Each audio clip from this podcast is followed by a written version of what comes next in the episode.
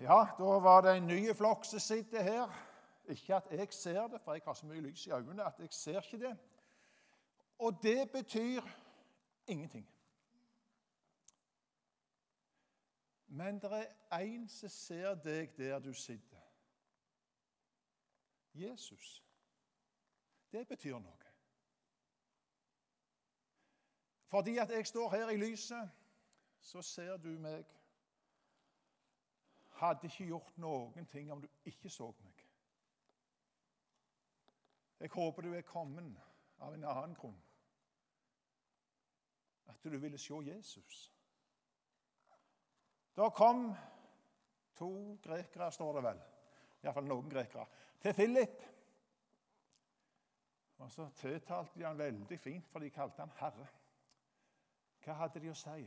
Herre, vi vil gjerne se Jesus. Herre, vi vil gjerne se Jesus. Ja, det var det som var målet med møtet i kveld, at vi skulle få se Jesus.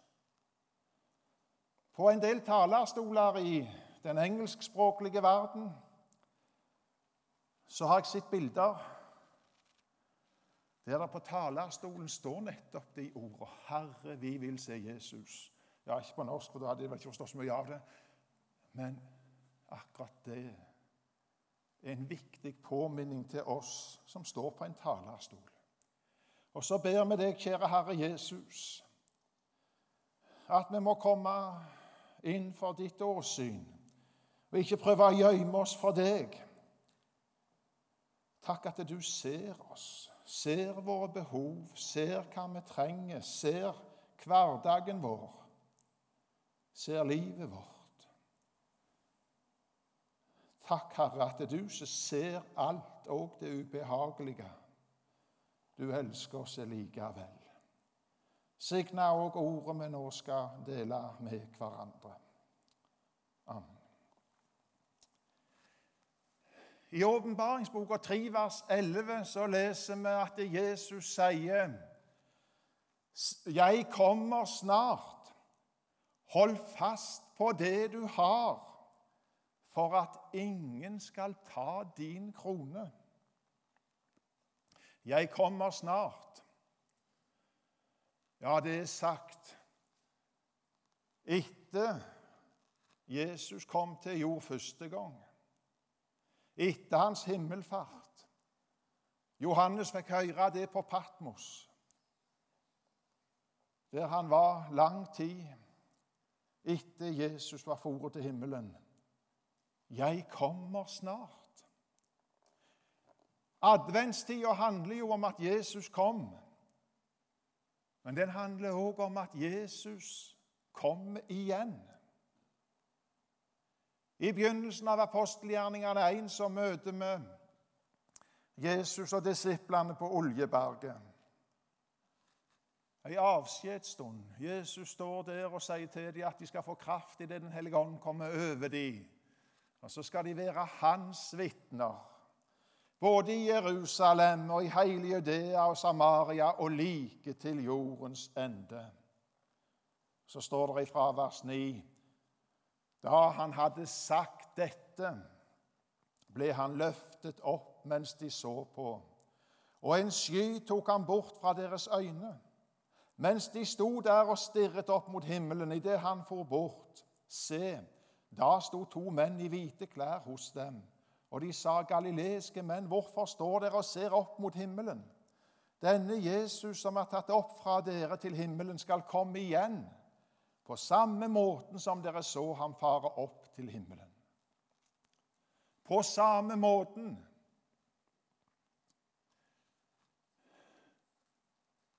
Han forsvant bak ei sky. En dag så skal han komme ut av skyene. Kanskje du sitter og spiser frokost og kikker ut av vinduet og kikker opp. Jesus kommer. Eller du ligger og sover. Eller du er ute og kjører bil, er på arbeid eller skole eller hva du holder på med. Eller du Ja, samme hva du gjør. Eller nå i kveld når du er på møte i Salem.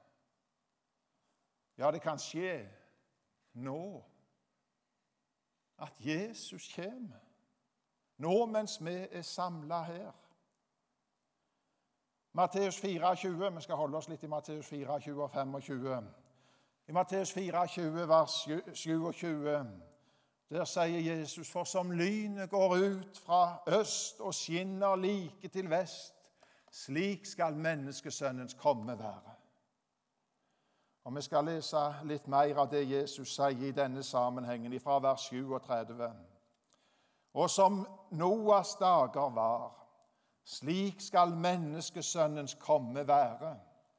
For like som de i dagene før vannflommen åt og drakk, tok til lekte og gav til lekte, helt til den dag da Noah gikk inn i arken, og de visste ikke av det før vannflommen kom og tok dem alle. Slik skal det også være når menneskesønnen kommer. Da skal to menn være ute på marken. Den ene blir tatt med, den andre blir latt tilbake.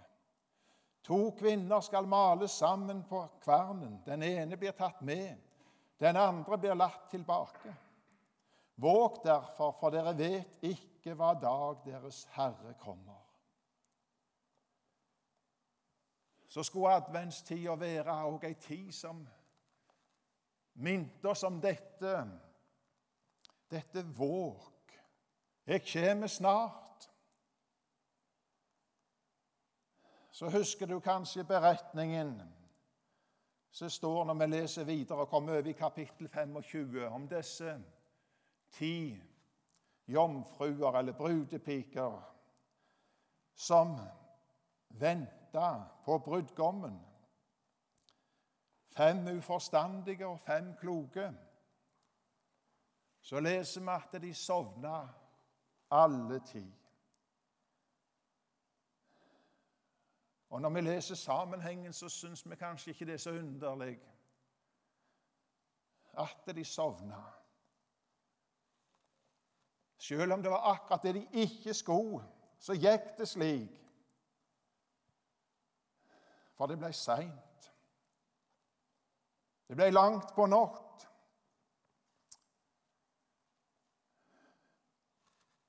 Men det er likevel et bilde på at de var blitt sløve og likegyldige.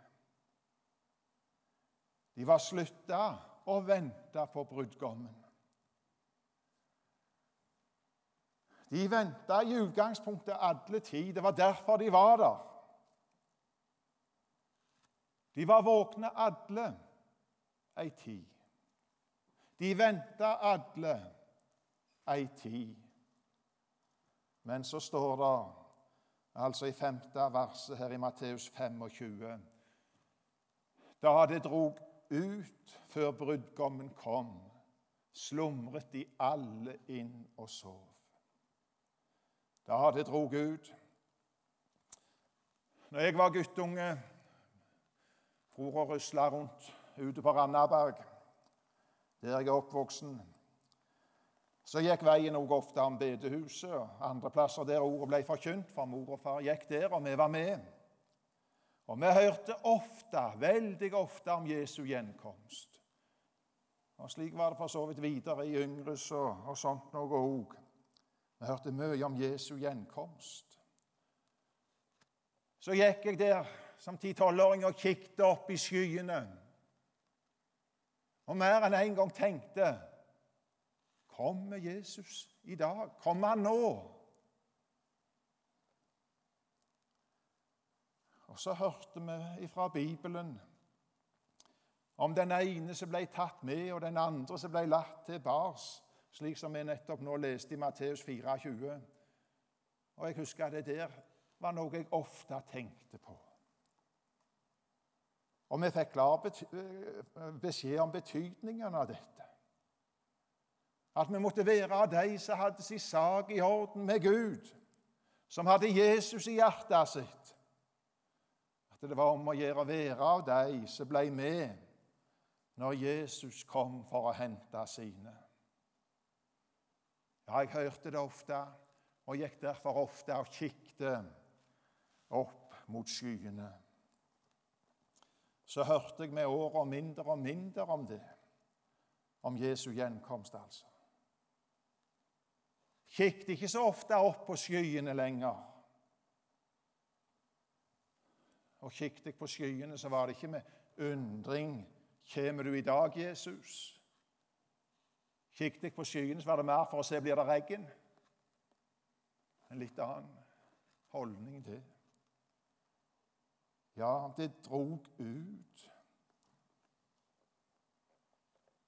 Så sovna de alle. Ja, der står de slumra inn og sov. Og det å slumre ja, ja, Det er vel noe de kaller for slumreteppe. Hvis det noen som strikker litt her. Strikket vel noen slumretepper så de så de heiv rundt seg og koste seg og skulle være varme. Slumre. En behagelig hvile der du slapper av, og tankene slutter å svirre alle veier. En behagelig trøtthet der du registrerer mindre og mindre av det som skjer rundt deg. Går det i døra, så kikker du kanskje opp, men eh, øynene detter fort ned igjen. En liten lyd.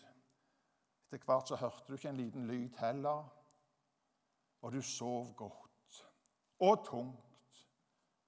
Ja, det måtte visst et rop til for å vekke deg.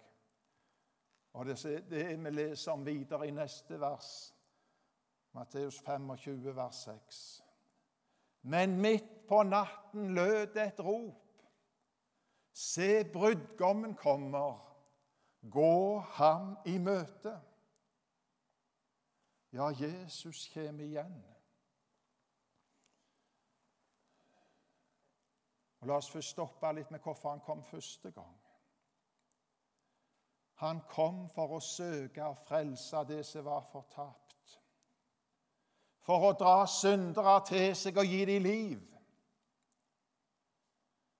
Jeg er blitt veldig glad i Johannes 12, 32, der Jesus sier når jeg blir opphøyet fra jorden, skal jeg dra alle til meg. Og Jeg har av og til prøvd å se for meg Jesus på korset. Kan du se noe mer hjelpeløst Det kunne dra noe som helst? Sjøl hans never var festa. Men der midt i død og smerte så vant han seier over våre mange fiender, og han sona for våre synder. Og vi leser om begge de sidene av Jesu død på korset i Kolosserbrevet 2, vers 14 og 15. Han utslettet skyldbrevet mot oss som var skrevet med bud, det som gikk oss imot. Det tok han bort da han naglet det til korset. Han avvæpnet makten og myndighetene og stilte dem åpenlyst til skue da han viste seg som seierherre over dem på korset. Seier, Herre, på korset. Ja, han seira, han som hang der menneskelig talt så uhjelpelig som det kunne bli. Han seira og drog fortapte syndere til seg. Ja, allerede mens han hang der, så fikk han dratt til seg en av de som hang ved hans side, som sa, 'Herre, tenk på meg når du kommer i ditt rike'. Ja, tenk du han fikk høre, 'I dag skal du være med meg i paradis'. Og slik har Jesus gjennom de år som er gått videre, dratt til seg tusener på tusener på tusener i vårt land. Og utover hele denne klode, i Kina, Japan, Indonesia, Kenya, Peru, hvor du ville nevne Han drar synderen til seg for å gi han liv. Og det var det som skjedde òg når jeg fikk komme til tro på Han. Og det står det om i, i samme sammenhengen i Kolosserbrevet 2, det vers som står foran de to vi leste, 13. verset. Også dere var døde ved deres overtredelser og uomskårne kjød. Men Gud gjorde dere levende sammen med Kristus idet han tilga oss alle våre overtredelser. Gud gjorde dere levende. Og det skjer fortsatt når ordet forkynnes. Ordet er levende og virkekraftig. Der det forkynnes evangeliet om Jesus, der drar Jesus syndere til seg òg i dag.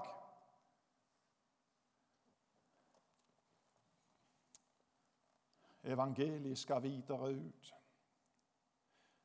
Og det var derfor han som drog deg og meg Jeg håper han har fått dratt deg òg inn til seg. Det er ikke selvsagt om du er her i kveld. Men han som drog og vil dra oss inn til seg Når han ikke holdt på å si drog oss med til himmelen med en gang, slik som han som hang ved hans side, så var det fordi han ville ha oss her for å bringe evangeliet videre. Og da har jeg nevnt om litt indirekte hva som skal til for at du ikke skal bare sitte og kose deg i teppet og slumre inn. Hvordan skal du holde deg våken? Ja, ja. Eh, jeg kom til å tenke på her jeg sto jeg var leder på leir en gang. Jeg tror på den leiren i løpet av de nettene. Jeg tror det var tre netter. Og Sammenlagt så hadde jeg halvannen time søvn. Og så skulle jeg sitte og være nattevakt og holde meg våken. Så så jeg meg i bok. Av den enkle grunn at jeg visste jeg våkner når boka detter i gulvet. Og hvor mange ganger jeg gjorde det i løpet av natta, det vet jeg ikke. Det var Jeg visste det må til. Kanskje ikke det beste eksempelet, men jeg måtte gjøre noe for å holde meg våken. Og La oss ta et eksempel. Du venter på noen som skal komme. Det her var før mobilen ble oppfunnet. for meg si. Hvis ikke var det bare å ringe og gi beskjed med nå kommet så og så langt. Men du sitter og venter på noen, de skal komme. Og du har fått beskjed vi kommer. Men vi kan ikke si hva klokka er. Det kan bli seint, men vi kommer. Håper du klarer å holde deg våken til vi kommer. Ja, jeg skal vente. Ja, ja. Hvordan skal du holde deg våken? Den beste måten det var å begynne å gjøre noe. Finne fram hammeren og fikse, få på plass den der lista som ikke ble sett på plass for fire år siden. og skulle vært sett på plass. Ja, det var ting som kunne gjøres. Aktiviteten holdt deg våken. Skal ikke trekke bildet for langt, men det har faktisk en parallell til vårt åndelige livsforhold å gjøre. Vi går tilbake til Matteus 24, vers 46. Der sier Jesus Salig er den tjener som Hans Herre finner i ferd med å gjøre dette når han kommer. Salig er den tjener. Hva var det den salige tjeneren gjorde for noe? Han gjør sin himmelske Herres vilje. Eller sin Herres vilje. Her står jo ikke himmelsk i den sammenheng. Han gjør sin Herres vilje. Det Hans Herre har befalt ham. Han har fått ei oppgave. Det skal du gjøre. Og Det står helt konkret foran hva det var. Han skulle sørge for at de andre tjenestefolka fikk mat i rette tid. Så konkret var oppgaven så har du òg fått helt konkrete ting av Gud. Han ga deg, så sant du hører han til, må jeg legge til. Ja. Han ga deg Jesus. Ja, det gjorde han til oss alle, enten vi har tatt imot han eller ikke. Men videre ga han de som tok imot han av sine gaver, nådegaver. Jesus er selve nådegaven, men det er òg andre gaver som han gir til utrustning. Den gaven, ja, den er for å tjene. Tjene de andre. For at evangeliet skal nå videre. Og vi har ikke alle samme gaver og utrustning der, nei.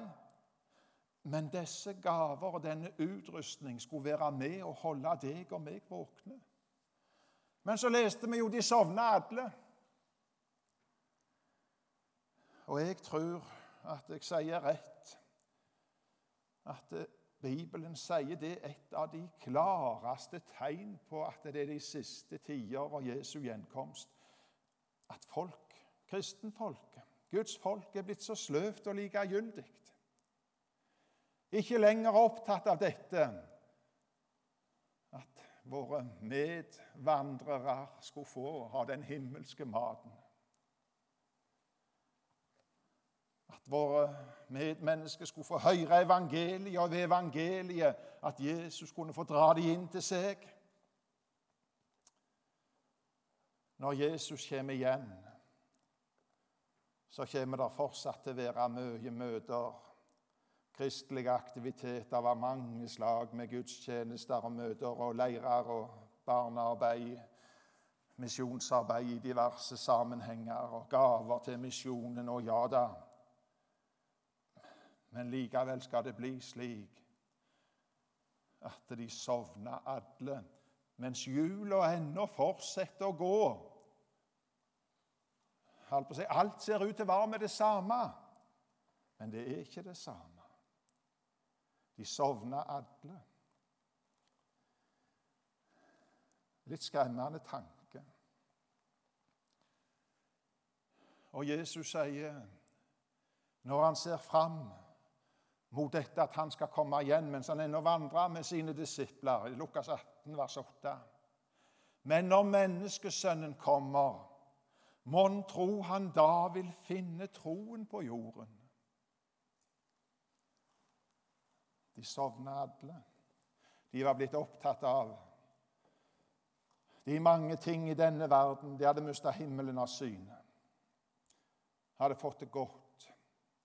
Så godt at de sovna ifra det å se sine medmennesker.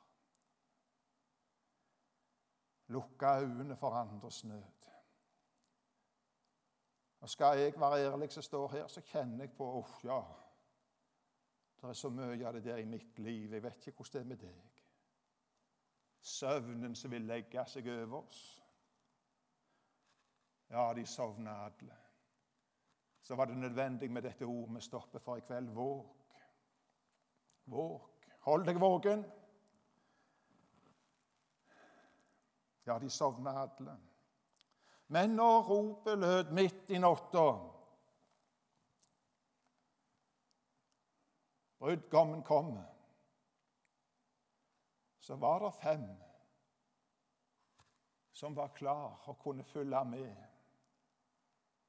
Og det uttrykkes med å ha olje på lampen. Og det har vært mange forsøk på å forklare hva denne olja er.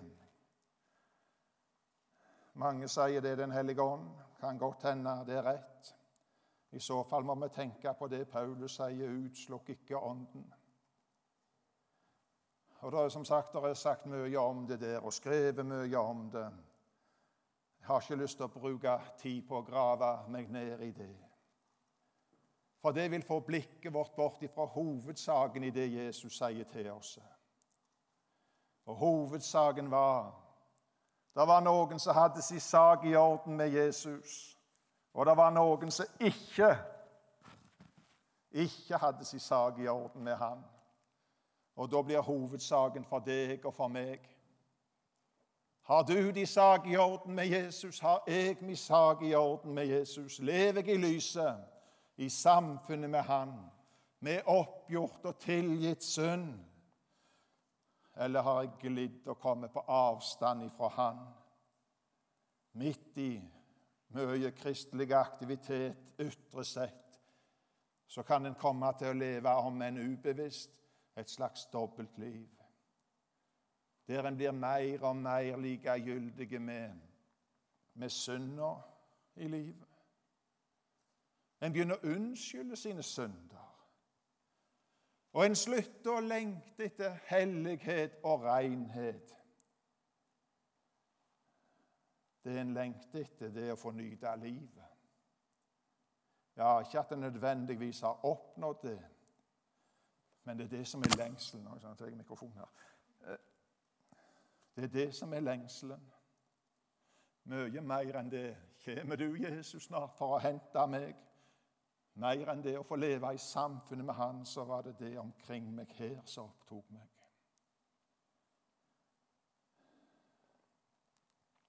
Nå er det ikke sånn at det er tjenesten som frelser oss, langt derifra.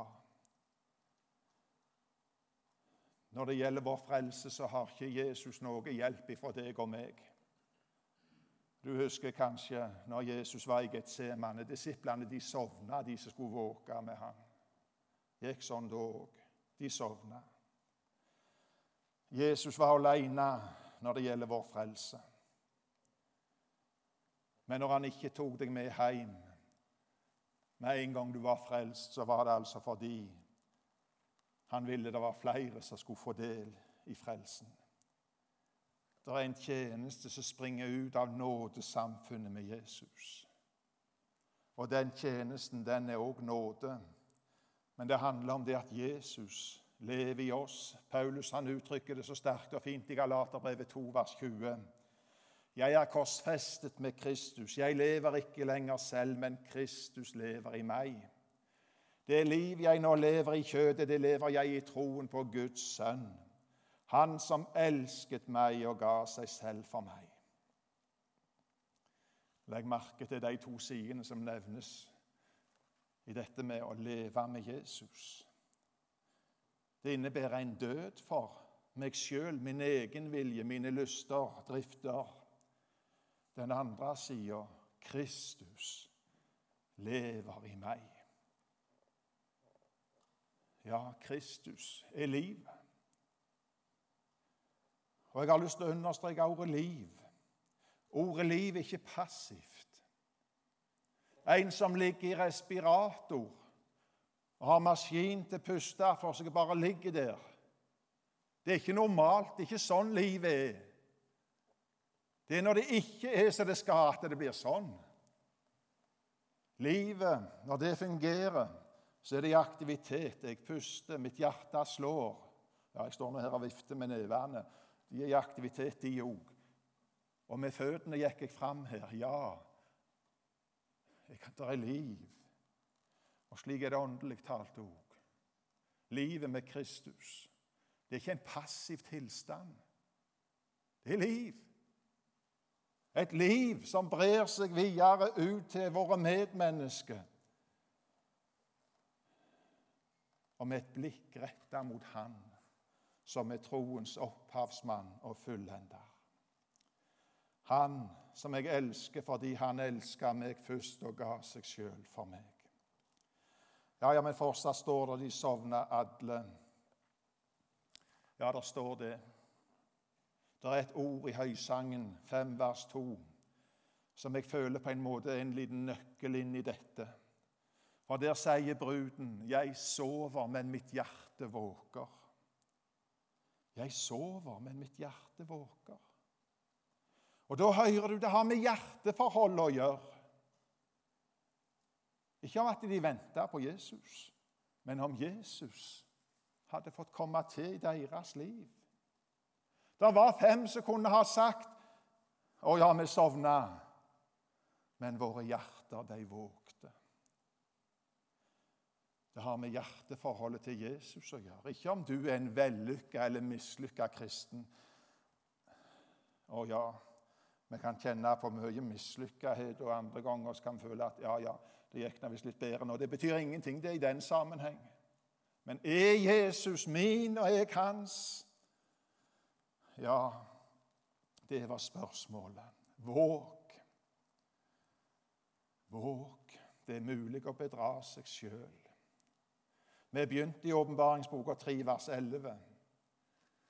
Jeg kommer snart. Hold fast på det du har, for at ingen skal ta din krone. Det er mulig å miste det du en gang hadde. Det er mulig å miste Jesus og det du har i Han. Hold fast på Jesus. I Han har du olja på lampen. I Han har du syndenes forlatelse. I Han har du fred med Gud. I Han har du det evige liv. Han kommer snart. Hold fast. Våg. Og har du ikke olje på lampen, har du ikke de sak i orden med Gud, eller kjenner på Jeg vet nesten ikke hvordan det er. Jeg håper du vet hvor du skal gå med det. Du skal få gå til Jesus med det. Du skal få lov å si han det akkurat sånn som du kjenner. Og så skal du be om må du ransake meg, Herre, og se hvordan det er med meg. Og så må du lede meg på din vei. Ja, våkne opp, se på Han. Det vil være fryktelig om du skulle først våkne opp når du hører brudgommen komme, gå han i møte. For da var det for seint å ordne med olje til lampen. Men i kveld så sier Jesus 'kom', og du skal få komme.